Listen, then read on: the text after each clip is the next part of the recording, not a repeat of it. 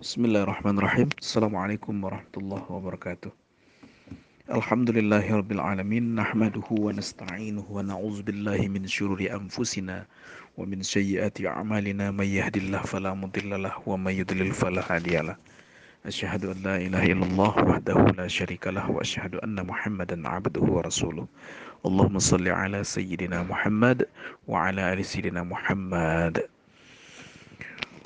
Uh, ukhti fillah di mana pun antuna berada di seluruh Indonesia semoga pagi ini Allah selalu memberikan berkah berlimpah untuk kita semua terutama uh, kesehatan. Semoga uh, di mana pun antuna berada di seluruh Indonesia Allah beri sehat selalu untuk keluarga untuk saudara uh, di rumah. Dan dalam situasi yang masih COVID ini Semoga Allah berikan jalan agar negara kita segera keluar dari masalah ini. Insya Allah. Salat beserta salam kepada junjungan kita Nabi besar Muhammad Sallallahu Alaihi Wasallam. Semoga Allah sampaikan salawat kita kepada beliau hingga kita berharap akan rahmatnya. Insya Allah. Amin. Uktifillah. Kajian kita pagi hari ini adalah berbicara tentang uh, tauhid. Ya tentang sesuatu yang sangat penting sekali dalam kehidupan ini, terutama bagi kita sebagai seorang Muslim sejati. Seorang Muslim sejati akan ditandai kemuslimannya, keimanannya kepada Allah ketika diuji tauhidnya. Tauhid adalah secara lafaz atau secara uh, kalimat artinya keesaan ya. Tauhidnya keesaan jadi bagaimana kemudian seseorang itu mengesahkan Allah semata gitu, mensatukan, mensatukan hanya semata-mata Allah sebagai satu-satunya sesembahan yang ia miliki, mulai tauhid. Satu, sesuatu yang satu gitu. Nah, pencipta kita hanya semata-mata Allah semata, bukan sesuatu yang lain. La ilaha illallah. Tidak ada Tuhan selain Allah. Tidak ada sesembahan selain Allah. La ilaha. Tidak ada ilah. La ilaha illallah. Kecuali hanya Allah semata. Nah ini. Ini adalah puncak daripada tauhid. Adalah mengesahkan Allah. Sehingga kemudian harapan kita adalah suatu ketika ketika kita kembali kepada Allah dalam keadaan husnul khatimah mengucapkan kalimat tauhid la ilaha illallah.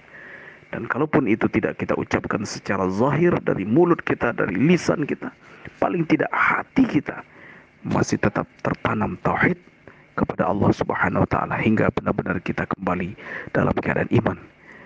Ya, dalam keadaan muslim. Wala tamutunna illa wa antum muslimun dan jangan kalian sekali-kali mati kecuali dalam keadaan Islam. Nah ini inilah inilah kunci uh, inilah pokok ya pokok daripada tauhid.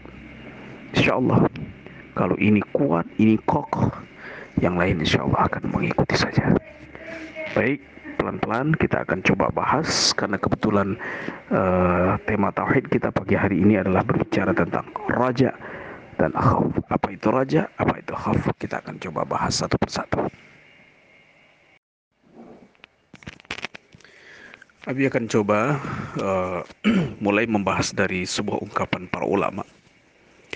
Apa kata para ulama tentang raja dan khauf ini di dalam sebuah kitab tasawuf?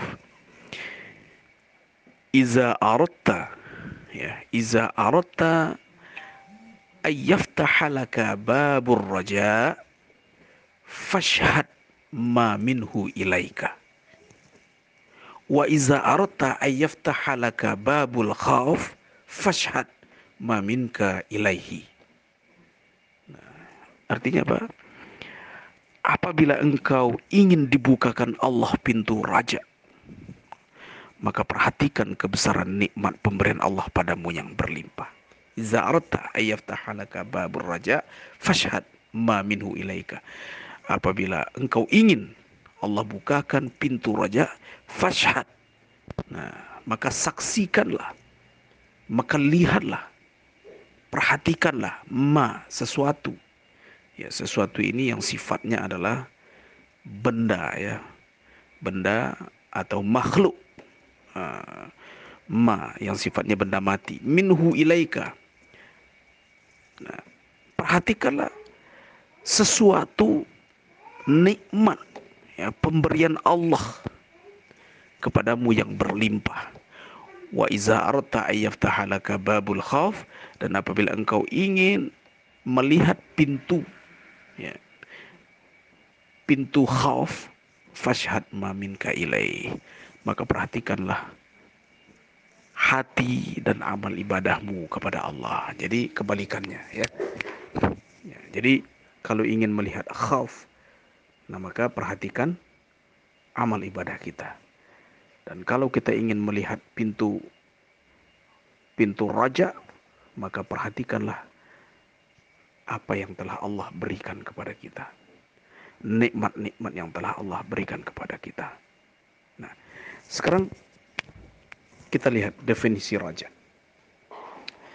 Raja itu artinya harap, ya, berharap hanya kepada Allah saja bukan kepada sesuatu yang lain. Nah, inilah tadi la ilaha illallah, tidak ada ilah kecuali hanya Allah semata.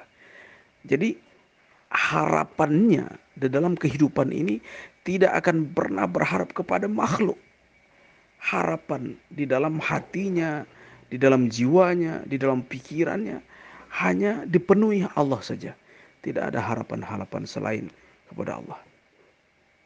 Ia selalu memperhatikan apa yang ada pada dirinya atas pemberian atau nikmat yang telah Allah berikan. Nah, apa yang telah Allah berikan kepadanya? Ia perhatikan itu. Dia dia akan fokus ke situ. Allah telah beri ia nikmat mata. Allah telah beri ia nikmat tangan. Allah telah beri ia nikmat kelengkapan anggota tubuh. Ya. Maka kemudian uh, dari semua nikmat yang telah Allah berikan itu, ia perhatikan satu-satu kemudian ia resapi, ya. kemudian ia evaluasi dirinya, sehingga kemudian membuat ia terus bersyukur, bersyukur, bersyukur kepada Allah Subhanahu wa Ta'ala. Maka dari semua itu, ia pun kemudian berbaik sangka kepada Allah. Dari setiap nikmat yang telah Allah berikan kepada dirinya, ya, baik di dalam diri maupun di luar dirinya, termasuk alam semesta ini, ia mulai berpikir bahwa Masya Allah, betapa nikmat Allah luar biasa. Ya. Maka ketika terjadi sesuatu uh, nikmat yang Allah berikan kepada seseorang yang betul-betul memahami karakter raja, ya, hingga kemudian harapnya penuh kepada Allah, ia selalu melihat apa pun yang terjadi dalam kehidupan itu semua nikmat. Nikmat dari Allah Subhanahu wa taala. Tidak ada satupun niat buruk dari Allah Subhanahu wa taala kepadanya. Semuanya adalah nikmat dan semuanya adalah baik untuk dirinya, apa pun itu yang terjadi. Nah, jika sesuatu itu adalah menyenangkan, maka ia bersyukur atas nikmat yang telah Allah berikan itu. Jika sesuatu itu tidak menyenangkan, ya, sesuatu yang menyedihkan, menyakitkan, maka ia kemudian bersabar, bersabar atas apa yang telah Allah berikan itu. Tetapi ia sangat paham betul bahwa apa pun yang terjadi kepada dirinya itu semuanya adalah nikmat yang Allah berikan kepadanya. Semua ia terima sebagai nikmat. Semua ia terima sebagai sesuatu yang memang Allah berikan kepadanya baik. Gitu. Tidak ada satupun zon prasangka buruknya kepada Allah. Semuanya adalah baik. Masya Allah. Inilah kemudian yang membuat ia menjadi raja berharap, berharap, berharap, berharap, berharap kepada Allah. Hingga kemudian suatu saat Allah pun berharap kepadanya, ya Allah berharap kepadanya untuk menjadi hambanya yang soleh. Ya, untuk menjadi hamba yang soleh maka Allah kemudian akan panggil ia ya ya ya Tuhan nafsul mutmainnah irja'i ila rabbiki radiyatan mardiyah Allah akan panggil dia ya Suatu saat rohnya akan kembali kepada Allah dalam keadaan husnul khatimah. Sebaik-baik ya, sebaik-baik roh yang Allah telah ridai rohnya itu hingga kemudian ia kembali kepada Allah dalam keadaan telah diridai oleh Allah Subhanahu wa taala. Nah, Jadi jadi kesimpulannya roja apa? Roja adalah berharap hanya kepada Allah saja. Jadi kalau kita ingin pintu roja ini terbuka kepada diri kita, ya, kalau kita ingin agar benar-benar kita hanya berharap kepada Allah saja, ada tiga hal yang perlu kita perhatikan di situ. Yang pertama, kita harus berbaik sangka kepada Allah. Apa pun yang Allah berikan kepada kita, semua baik. Itu yang pertama. Kemudian yang kedua, mensyukuri nikmat yang Allah berikan kepada kita. Tidak cukup berbaik sangka, tapi bersyukur. Syukuri nikmat apa pun yang telah Allah berikan kepada kita. Bersyukur. Kita memiliki mata, bersyukur atas nikmat yang telah Allah berikan itu. Maka pergunakan mata untuk melihat yang baik-baik. Kita diberikan tangan, bersyukur atas tangan yang Allah berikan kepada kita. Betapa banyak orang-orang yang tidak memiliki tangan, kelengkapan anggota tubuh di luaran sana. Ya, Lalu kemudian kita bersyukur atas tangan yang Allah berikan kepada kita. Maka gunakan tangan untuk menyentuh, memegang sesuatu yang baik-baik. Berperilaku sesuatu yang baik-baik. Kita punya kaki. Maka anggota tubuh kita yang bernama kaki ini. Kita bersyukur. Lalu kemudian kita gunakan kaki ini ya untuk berjalan kepada sesuatu yang baik-baik. Ya, bukan untuk melakukan sesuatu yang berbuat maksiat kepada Allah Subhanahu wa taala. Ketika seseorang itu memiliki akal dan pikiran, maka fikiran atau otak yang telah Allah titipkan kepadanya ia gunakan untuk sesuatu yang baik-baik untuk menjadikan dirinya ya untuk menjadikan dirinya dekat kepada Allah taqarrub ilallah. Semua apa pun yang telah ia terima dari Allah ia terima itu sebagai rasa syukurnya kepada Allah. Nah itulah yang kemudian membuat ia tetap memiliki pintu harap pintu raja ini kepada Allah. Masya Allah. Yang kedua ya. Kemudian yang ketiga. Yang ketiga, ia menjadi seseorang tidak hanya sekedar ya sekedar berbaik sangka kepada Allah lalu kemudian bersyukur atas nikmat yang telah Allah berikan kepadanya tetapi puncak daripada ya puncak daripada berprasangka baik kepada Allah kemudian mensyukuri nikmat yang telah Allah berikan puncak dari semua itu adalah ya berpasrah diri kepada Allah pasrah diri maksudnya ikhlas. Ikhlas menerima apa pun yang telah Allah berikan kepadanya. Takdir apa pun yang Allah berikan kepada dia, ikhlas. Ikhlas saja. Ikhlas saja kepada Allah. Ya. Ilahi anta maksudi warida kama tulubi. Ilahi anta maksudi. Ya Allah, ya Tuhanku, engkau hanya engkau yang aku maksud. Ilahi anta maksudi warida kama tulubi. Hanya ridha engkau yang aku cari. Ya, dia semata-mata hanya mencari ridha Allah. Dia tidak bergantung lagi sama sekali kepada makhluk, dia tidak peduli lagi kepada makhluk, ya. Dia hanya semata-mata berharap kepada Allah saja. Nah, inilah puncak daripada raja. Puncak daripada raja adalah ikhlas. Ikhlas atas apa pun yang Allah berikan kepadanya.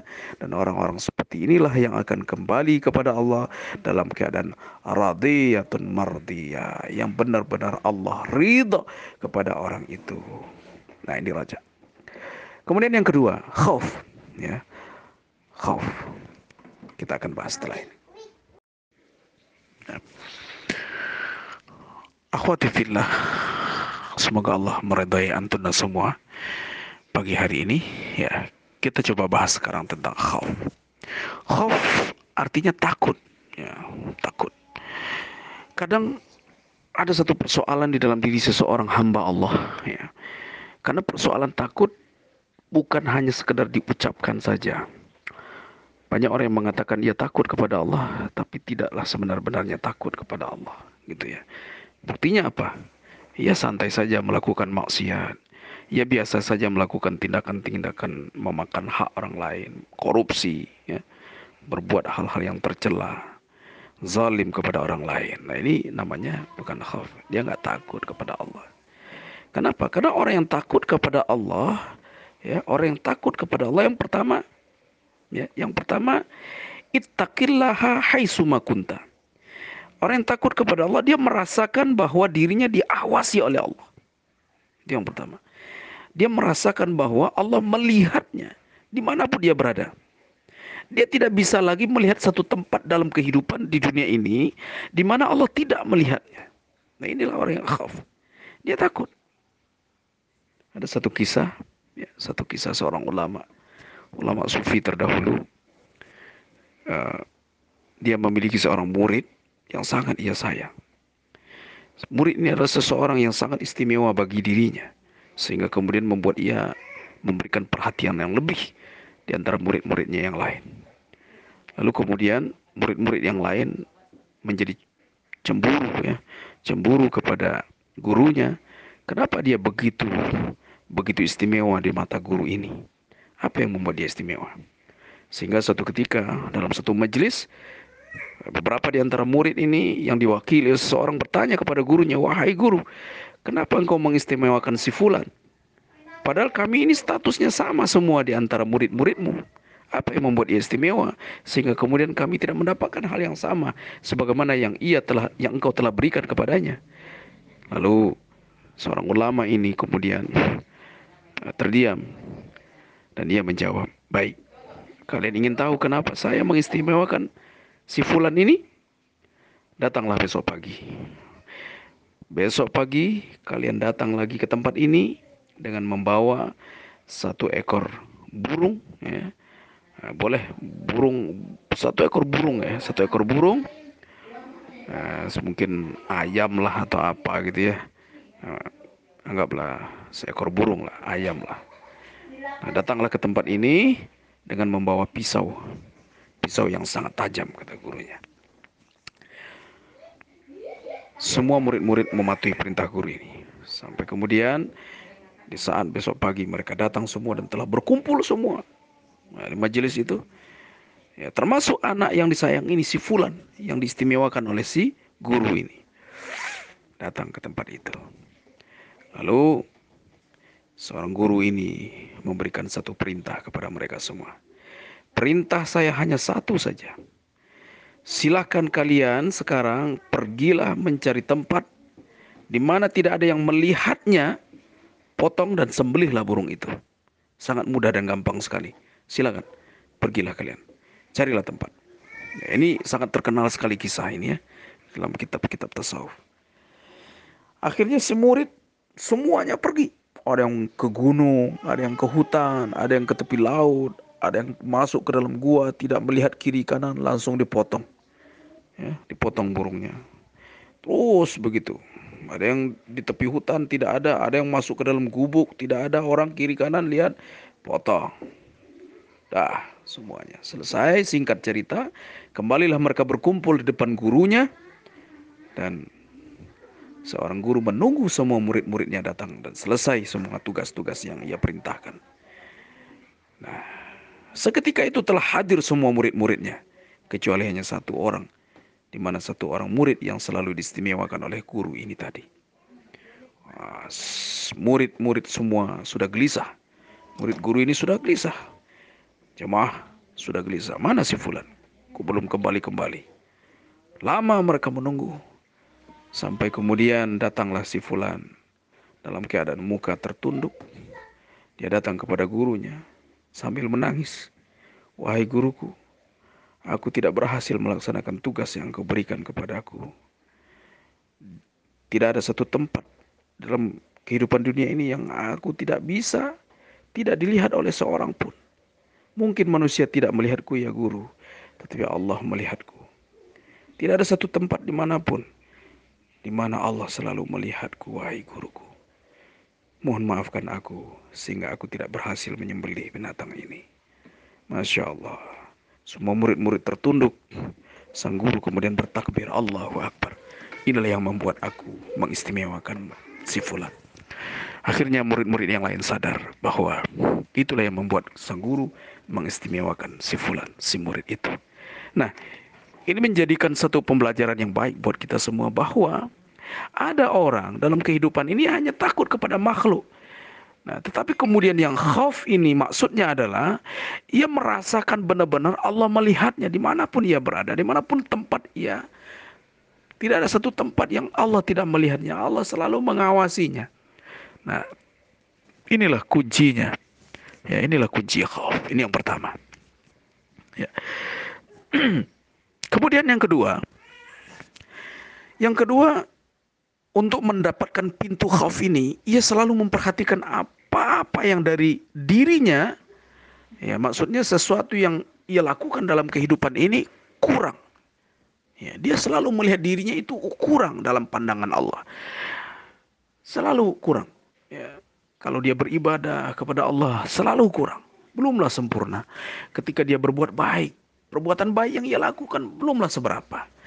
Ketika dia membaca Al-Quran, Al-Quran yang ia baca belumlah seberapa. Ketika dia beribadah kepada Allah, ibadahnya tidaklah seberapa sehingga muncul dalam hatinya bahwa dia sama sekali tidak mengandalkan ibadahnya itu kepada Allah. Yang ia hanya harap kepada Allah rahmatnya saja. Nah ini dia. Rahmat. Dia takut kepada Allah. Ya jadi takut inilah kemudian bolak-balik nanti akan memunculkan raja berharap lagi. Ketika dia takut dia berharap. Ketika dia takut dia berharap. Ketika dia berharap dia juga takut. Nah gitu. Ini raja dan khauf seperti itu. Ya kemudian yang terakhir. Yang terakhir kita coba bahas dalam pembahasan berikutnya ini. Yang terakhir, khauf ini ya seseorang yang kemudian benar-benar memiliki khauf kepada Allah. Pintu khauf ada dalam dirinya adalah ketika ia semata-mata ia berani melakukan apa pun dalam kehidupan ini atas dasar koridor bahwa ia benar di sisi Allah Subhanahu wa taala. Maka tidak ada lagi yang ia takuti kecuali hanya Allah saja. Sama sekali tidak ada yang ia takuti dalam kehidupan. Ia tidak takut miskin ia tidak takut melarat ia tidak takut dicela ia tidak takut direndahkan sama sekali tidak ada lagi yang ia takuti. Nah, yang ia takuti hanyalah semata Allah Azza wa Jalla. Yang ia takuti hanyalah semata ya kebencian Allah atau di mata Allah ia merasa kurang, itulah yang semata-mata hanya ia takuti. Ia hanya takut kepada Allah. Tidak ada satupun makhluk lagi yang ia takuti. Masya Allah. Inilah ya inilah uh, pintu khauf. Ya, kalau kita ingin terbuka pintu khauf, maka perhatikan tiga hal ini. Ya, perhatikan tiga hal ini. Insya Allah. Mudah-mudahan kita menjadi orang yang mendapatkan uh, sifat khauf ini ada di dalam diri kita. Nah, sebagai seorang yang memiliki tauhid ya, dasar ya dasar tauhid mengesahkan Allah maka harus miliki dua sifat ini. Yang pertama adalah raja berharap hanya kepada Allah bukan kepada makhluk yang kedua adalah khauf, takut hanya kepada Allah, bukan kepada makhluk. Ya, ketika berharap kepada Allah, harap tentang apa? Harap akan Allah meridhoinya, harap akan Allah sayang kepadanya, harap akan nikmat Allah, harap akan rahmat Allah. Nah, ini hanya semata-mata yang ia harapkan. Nah, kuncinya ada tiga tadi. Kemudian khauf, takut hanya kepada Allah, kuncinya juga tiga tadi. Nah, ketika kita sudah memiliki dua sifat ini, maka insya Allah kita akan kembali kepada Allah dalam keadaan diridhoi oleh Allah. Ya, Allah ridha kepada kita dan kita pun menjadi makhluk atau hamba Allah yang ridha kepada Allah. Masya Allah. Insya Allah semoga kita semua diberkahi, diberi nikmat agar kita mendapatkan pintu raja dan pintu khauf ini. Insya Allah. Wallahu a'lam bisawab. Mungkin itu yang dapat disampaikan pada kajian kita pagi ini dan semoga kita dalam rahmat Allah selalu. Assalamualaikum warahmatullahi wabarakatuh.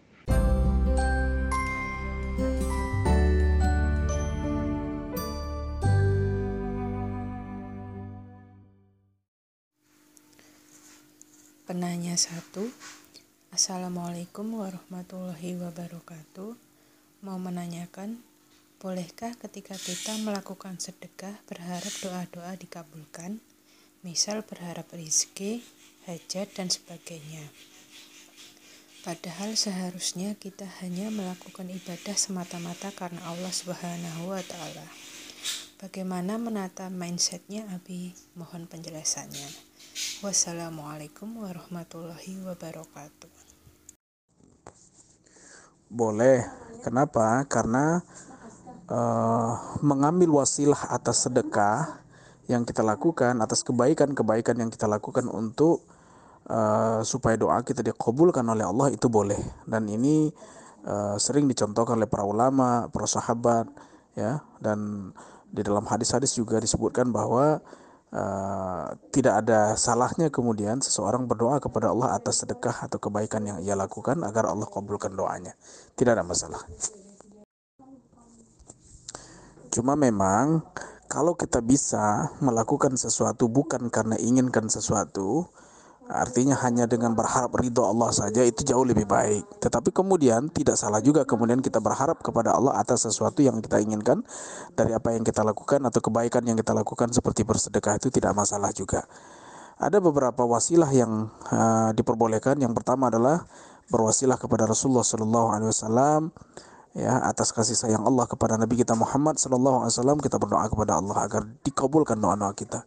Kemudian berwasilah dengan Al-Quran ya kemudian uh, berwasilah dengan uh, apa dengan kebaikan-kebaikan yang pernah kita lakukan sebagaimana satu uh, peristiwa yang diceritakan dalam sebuah riwayat bahwa ada beberapa orang yang terkurung dalam gua itu ya lalu kemudian dia berdoa kepada Allah atas kebaikan-kebaikan yang pernah lakukan. Nah itu boleh. Ya sehingga kemudian pintu guanya terbuka. Ada tiga orang. Yang pertama dia berwasilah atas kebaikan yang dilakukan karena dia uh, berhasil untuk tidak berbuat maksiat dengan seorang perempuan ke, untuk ketika diajak berzina.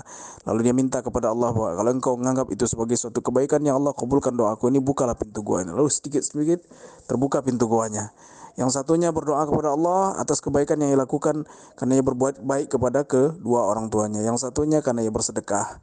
Nah, jadi itu boleh saja. Tetapi memang akan jauh lebih bagus tingkatannya ketika kita sudah mengharap ridho Allah semata itu jauh lebih baik. Kenapa? Karena kalau sudah ridho Allah yang kita harapkan, ya sudah terserah Allah saja. Pastilah Allah akan berikan yang terbaik untuk kita. Allah a'lam Penanya kedua, Assalamualaikum Ukti. Saya ada pertanyaan di luar tema.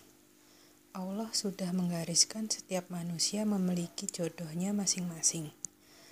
Apabila seseorang sudah menikah, berarti dia sudah bertemu dengan jodohnya. Tetapi banyak pasangan yang bercerai karena berbagai alasan. Rasa, pertanyaan saya, kalau seperti itu apakah jodohnya salah? Mohon bantuan untuk penjelasannya. Itu tandanya dia belum berjodoh di dunia ini ya. Ketika seseorang menikah di dunia ini lalu kemudian dia bercerai itu tandanya dia belum berjodoh. Yang disebut berjodoh itu adalah ketika dia menikah dan langgeng pernikahannya sampai salah satu di antara mereka meninggal dunia. Maka itu disebut pernikahan dunia dan akhirat. Artinya suatu saat ketika dia meninggal dan di akhirat kelak dia akan bertemu dengan jodoh yang sama. Nah misalnya anti Eh, ketika menikah dengan seorang laki-laki lalu kemudian uh, suatu saat meninggal ya meninggal. Nah insya Allah nanti di akhirat orang itulah nanti juga yang akan menjadi uh, suami anti nanti di akhiratnya. Nah dan bagaimana kemudian ketika seorang perempuan yang suaminya sudah meninggal lalu ia menikah lagi perempuannya? Nah itu lain ceritanya. Nanti di akhirat uh, orang yang akan bersanding atau yang menjadi jodohnya adalah laki-laki terbaik atau tersoleh di antara kedua itu atau beberapa laki-laki yang pernah ia nikahi di dunia ini. Nah, terkait dengan jodoh, kemudian di dunia dia bercerai, itu tandanya dia memang belum berjodoh. Nah, jodohnya adalah ya ketika dia memiliki suami atau memiliki istri di mana pernikahannya itu langgeng hingga kemudian salah satu di antara mereka berdua meninggal atau diambil nyawanya oleh Allah Subhanahu wa taala. Dan uh, terkait dengan hal ini juga bahwa tidak ada yang salah ya, tidak ada yang salah dengan jodohnya. Tidak ada yang salah di situ karena memang takdir Allah semuanya baik.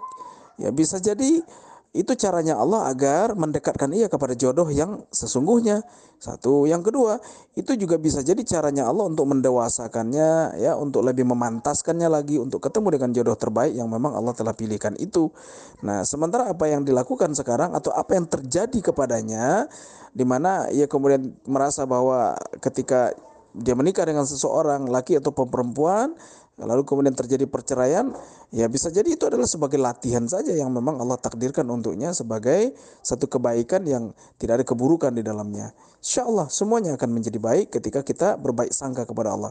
Sebagaimana kemarin materi kita itu bahwa ketika khauf dan raja ya ketika kita berbaik sangka kepada Allah ya semua apa yang diberikan Allah ini kita syukuri. Nah di situlah akan terbuka pintu roja dan pintu khauf itu. Jadi tidak ada keburukan atas apa pun yang telah Allah takdirkan kepada kita. Penanya ketiga. Assalamualaikum. Izin bertanya di luar tema. Bagaimana kita menyikapi teman yang terlalu baper dalam memandang sesuatu? Misalnya, saat kita update status tentang syiar agama, namun teman tersebut merasa tersindir, padahal status tersebut tidak sama sekali ditujukan untuk dirinya. Terima kasih. Kenapa kita memikirkan teman itu, ya? Kalaupun misalnya ia tersinggung atau kemudian dia baper, ya tidak ada masalah lah tujuan kita kan hanyalah kebaikan. Lalu kemudian ketika ada yang baper, apakah kita berhenti untuk berbuat baik atau berhenti untuk berdakwah menyampaikan kebaik-kebaikan? Enggak juga. Balighu anni walau ayat. Sampaikan walaupun satu ayat. Artinya sampaikan kebenaran, sampaikan kebaikan walaupun satu ayat, satu kalimat. Tidak ada masalah. Sampaikan saja kebaikan. Persoalan orang lain tersinggung dan sebagainya macamnya, itu urusan mereka sendiri. Bukan menjadi urusan kita, kan begitu. Nah, namun ada memang kaedah-kaedah yang harus kita perhatikan ketika kita menyampaikan dakwah atau kebaikan. Yang pertama, kata Rasulullah SAW harus bijak bijaksana gitu ya. Kita harus melihat apa cara yang terbaik yang mesti kita lakukan dalam berdakwah? Ya misalnya kepada orang yang lebih besar dari kita kepada orang yang lebih kecil daripada kita kepada orang yang lebih tua dari kita kepada sesama besar. Semuanya ada aturan-aturan secara bijak ajaran kebijaksanaan yang semuanya itu ada pada diri kita. Insya Allah terasa ya sains akan terasa. Secara rasa kita akan bisa merasakan itu. Dan itu juga sudah diatur dalam akhlak akhlak-akhlak sebagaimana akhlak yang telah dicontohkan oleh Rasulullah Sallallahu Alaihi Wasallam. Nah, jadi terkait dengan bapernya orang lain ketika kita memasang status atau profil ya, lalu kemudian dia merasa tersinggung, nggak usah khawatir, biarin saja, itu bukan menjadi urusan kita, itu menjadi urusan dirinya sendiri ya. Allahu a'lam. Penanya keempat. Assalamualaikum Ustadz. Pernah baca Sabar itu adalah sikap yang ditunjukkan pada saat pukulan pertama. Ketika kata diuji, tidak semua orang bisa langsung menerima dengan sabar, dengan tabah bahwa inilah yang terbaik. Pada awalnya mungkin memang terpukul, tapi lambat laun setelah dipikir-pikir, diresapi, ternyata Allah mengujinya sedemikian rupa justru karena Allah mencintainya menghindarkannya dari keburukan yang lebih besar. Mengetahui hal itu, dirinya baru bisa ikhlas menerima kenyataan. Apakah keik apakah ikhlasnya masih bisa dikatakan sabar? Apakah ia akan termasuk orang-orang yang akan mendapatkan kesudahan yang baik sebagaimana janji Allah? Ya, ketika dia kemudian sadarnya belakangan gitu ya, Nah, itu ada jadi gini uh, tahapan sabar itu kan ada tiga macam tahapan sabar itu di awal, di tengah, dan di penghujung. Nah, yang paling berat itu adalah di awal, tetapi tidak kalah beratnya adalah di penghujung gitu. Sama juga ketika seseorang ikhlas, ikhlas menerima apa yang ia terima, Nah, itu kan berbanding lurus dengan kesabaran. Sabar itu berbanding lurus dengan keikhlasan kita menerima segala sesuatu yang telah Allah takdirkan kepada kita. Contoh, ketika misalnya kita mendapatkan satu musibah, rumah terbakar, mobil kehilangan, motor kita dicuri orang atau dirampok. Nah, pada saat itu kita panik gitu ya, kita tidak terima gitu. Atau kemudian ketika anti uh, tiba-tiba kemudian ditolak atau kemudian tidak diterima oleh seorang uh, ikhwan atau kemudian ketika sudah menikah dengan seorang laki-laki tiba-tiba kemudian diceraikan, kemudian ditelantarkan ya terjadi keburukan-keburukan yang kita rasakan pada diri kita itu yang sesungguhnya itu bukanlah keburukan nah kadang membuat kita tidak tidak bisa menerima kenyataan itu. Nah, ini kan tidak sabar namanya. Nah, kalau orang yang sabar, dia akan ikhlas. Nah, maka itu yang saya katakan tadi sabar itu berbanding lurus dengan ikhlas. Ketika dia ikhlas, dia sabar sebenarnya kan gitu. Nah, dia harus ikhlas menerima itu. Kenapa? Karena semua apa yang diberikan oleh Allah, semua yang terjadi pada dirinya itu adalah baik gitu. Itu baik. Mungkin hari ini dia belum melihat kebaikan di situ. Belum melihat karena pandangan kita masih pendek. Tetapi nanti lambat laun dia akan melihat itu sebagai satu kebaikan. Nah itu pada awal berarti dia nggak sabar namanya. Nah dia tidak sabar. Orang menjadi orang yang tidak sabar pada awal. Nah, kemudian yang kedua, ada tahap yang kedua. Tahap kedua adalah sabar di pertengahan atau ikhlas di pertengahan. Lambat laun belajar dinasihati oleh orang lain, diolah dengan pikirannya, evaluasi diri, ya kan?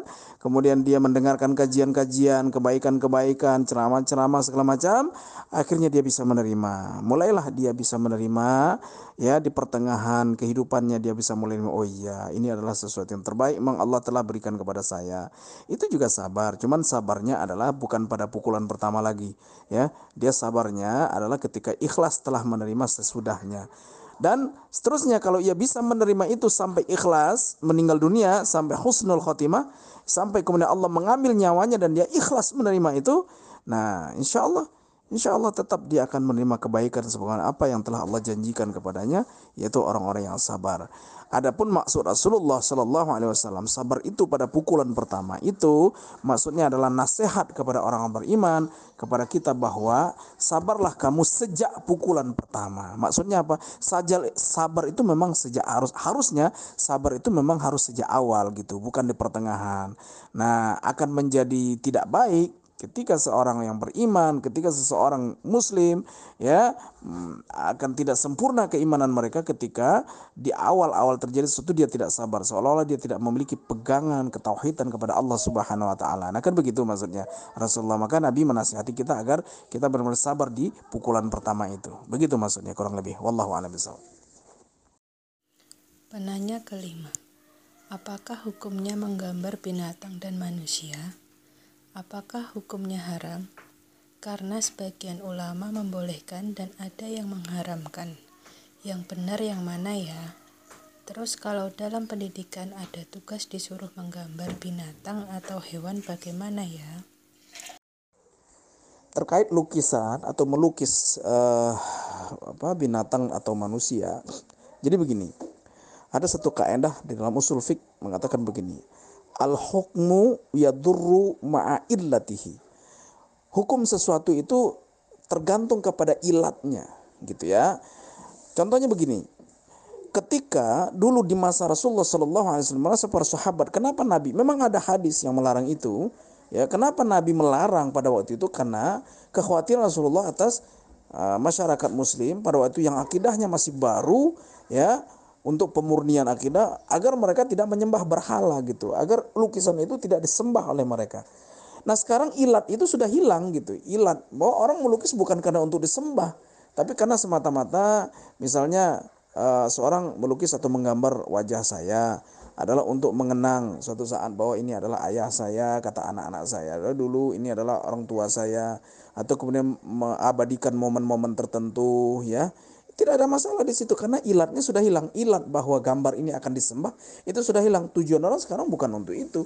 Apalagi seni melukis dan segala macam semata-mata untuk menikmati keindahan yang telah Allah berikan kepadanya. Nah, sebagian ulama memang ada yang mengharamkan karena nanti terjadi kekhawatiran mereka sebagaimana dulu yang pernah dikhawatirkan oleh Rasulullah itu Nah, tetapi kalau menurut Abi itu tidak perlu lagi dikhawatirkan. Ilatnya sudah hilang, ilatnya sudah hilang. Kalau dulu itu memang adalah benar-benar orang melukis atau menggambar itu memang untuk disembah dulu. Jadi maksud Rasulullah itu adalah untuk menyembah. Ya, itulah yang dilarang. Lukisan atau gambar yang dimaksudkan dibuat untuk disembah. Itulah yang tidak boleh. Tapi kalau tujuannya adalah bukan untuk itu, ya, tidak masalah. Mubah saja, boleh saja. Wallahu a'lam Penanya keenam. Assalamualaikum, izin bertanya, bagaimana manajemen waktu Rasulullah Shallallahu Alaihi Wasallam agar waktu tidak terbuang sia-sia karena saya sering membuat jadwal tapi terkadang masih banyak yang belum dilaksanakan dengan rutin. Solusinya bagaimana Ustadz dan bagaimana cara Rasulullah Shallallahu Alaihi Wasallam untuk bisa bangun di sepertiga malam? Mohon jawabannya. Syukron Ustadz. Masya Allah, ini pertanyaan bagus sekali ya. Bagaimana manajemen Rasulullah dalam masalah waktu dan bagaimana kemudian Rasulullah bisa bangun sepertiga malam, Masya Allah, begini ukti, apa yang telah dicontohkan oleh Rasulullah Sallallahu Alaihi Wasallam, ada yang memang kekhususan yang Allah berikan kepada beliau sebagai Rasul Allah, sebagai Habibullah, kekasih Allah, yang itu mungkin tidak bisa kita lakukan hari ini. Kita tidak bisa mengikuti Rasulullah. Kenapa? Karena Rasulullah adalah makhluk teristimewa, ya hamba Allah yang luar biasa. Sesuatu hal yang sunnah bagi kita saja, bagi Rasulullah itu adalah wajib. Ya, ta?